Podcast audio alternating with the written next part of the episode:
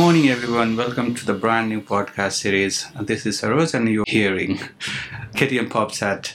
And today we have a very special guest, Johanna Bruckner, coming from Switzerland, and she's coming here in Nepal for three months for Artist in Residence program supported by Swiss Arts Council Pro Helvetia. So let's welcome her on the show without any ado. Hi, Johanna. How are you doing? Welcome Hello. to the show. Hello. Hello. Thanks for inviting me. How was your morning today? My morning was very good. I went to Chixmail today for the first time. It's an area I have not been yet. And it was very exciting to see a different part from Kathmandu or Patan because now I stay in Patan and I like it very much. And now I saw, I have a different experience of what else exists here. And I went to a coffee place and I met a friend. So we had coffee together and it was a very good start of the day. And it was a very nice quiet inner courtyard and had a book with me as I always have and I was reading something and actually I was very um, um, desperate in this coffee place. All right. So, uh, Johanna, um, talking about this podcast series, this is very informal, kind of casual conversations around, you know, we generally talk about art and culture, creativity, innovation, uh, and whatnot. So, so today, uh, I think um, um, we're gonna, yeah, you you must have spoken a lot about your work but uh, yeah we'll we'll do talk about your work as well you as a person but let's talk about your struggle. How about that? Struggle. Um, i think it's always something when an artist comes to a residency especially that's quite abroad that's more far away than i'm used to go. So it's my first time in south asia and now i've been here for two months and i have to say i like it very much I settled, but also settling takes time.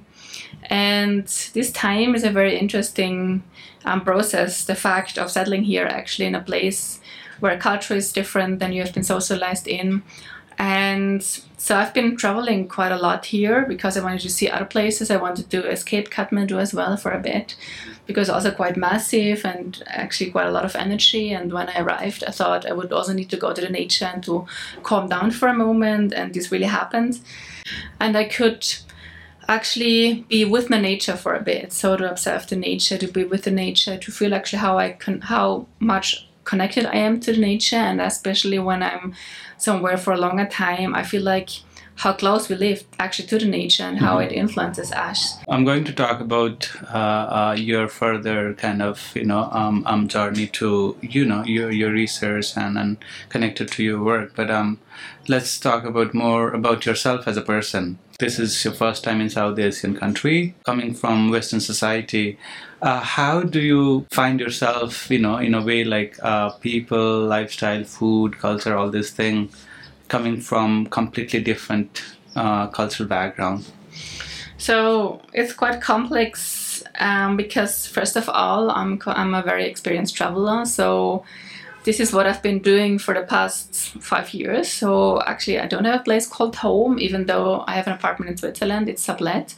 But during the past five years, I've more or less only been on residencies, and I have made myself or I learned a lifestyle that I adapt very easily to a place, so I feel mm. home very easily. Right. And I thought actually settling here would be much more difficult than it has been in the beginning. So it's actually I feel like still very soon I felt like okay I can make home here I can work I can do my thing it's just a few things that I had figured I had to figure out in the, in the beginning but then I felt like and it's very important where I live, where I work. As soon as the four walls that I live in, that if they are right, I feel like yeah, I, I that's that's the place where I can do things. Yeah.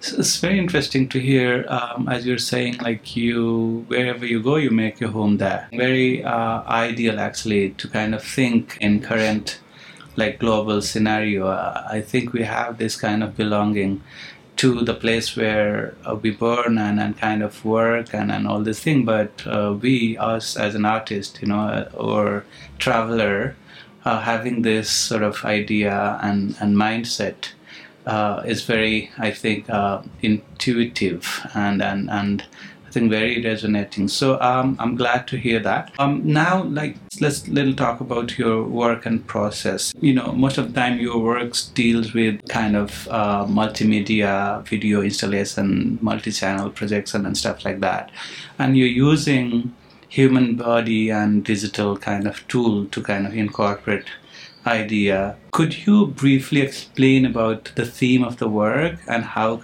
it kind of connect with the current uh, what do you say, social values, belief. Yeah. So I came here, I wrote the concept for my residency here, and of course, I didn't have a clue about what the culture is, what the context here is. It's far away, I can only read about things. And I came here, and I have different feelings of that, what I read, so because I experience on hand.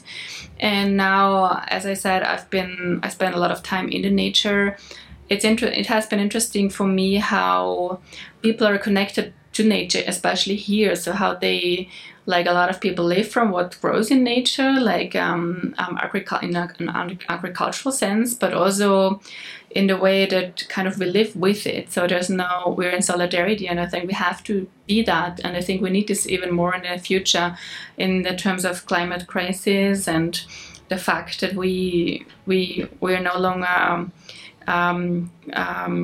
like caught in these um, kind of systems that have um, centuries have explained our cultural context and the way we are socialized in. So I think we have to go out of certain imaginations or certain certain thinking structures of what living means and also what living together means. So I think we can much more learn actually from the way how we can live together with nature, how it can learn us, how it can teach us, and also what it means in terms of technological advancement. So yeah. a lot can be learned from nature, but also we, we need to give to back to nature. To the nature. Yeah. Oh, great. Johanna, um, again, just trying to understand your work better, uh, the visual appearance or visual aspects of it. So could you briefly talk about the materialism you know of your work. Uh, when you make your work what are the things are involved in there? And when it comes to the audience how do they kind of perceive it?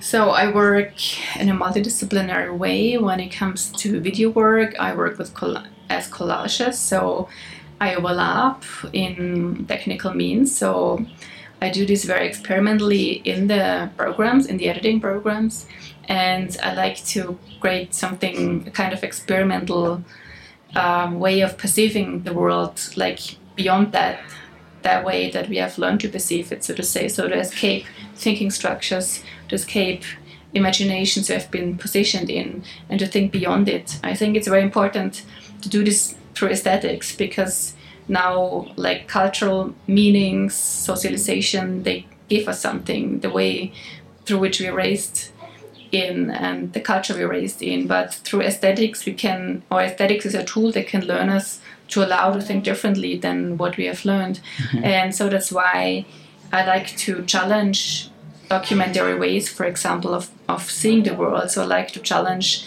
of um, how we make sense of the world. And so that's yeah. why I work in an abstract way. Mm-hmm. And the concepts, the research that I bring into the work with deals a lot again with environment, ecology, body, social context, and how this actually yeah. is entangled and we're yeah. positioned in. So I like to make people aware that they um, jump beyond their thinking structures.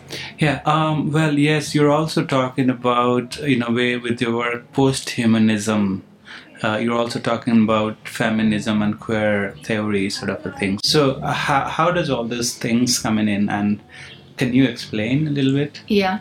So what i do with the images is to sort of let them explode from from inside. So, so like my images are kind of like quantum physics that ruptures against itself so the images explode against themselves so like cultural context explode against themselves rupture and sort of delegitimize themselves. So, so I, I, I, I delink existing concepts and relink certain un, un, understandings and beliefs.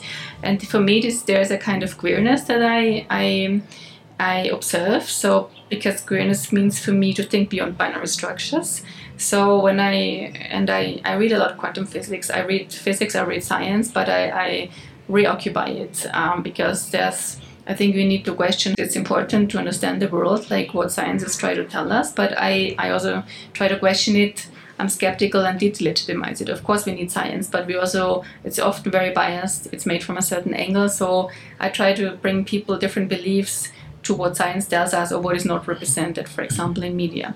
And so I, within quantum physics, I can find a certain queerness in, in how quantum physics approaches the world, and that's for me very interesting. Yeah, great. Thank you, Johanna. This was all very uh, nice talking to you, and and uh, we are at the end of the podcast. Uh, do you think there is anything that you wanted you I missed to ask you and you wanted to talk about?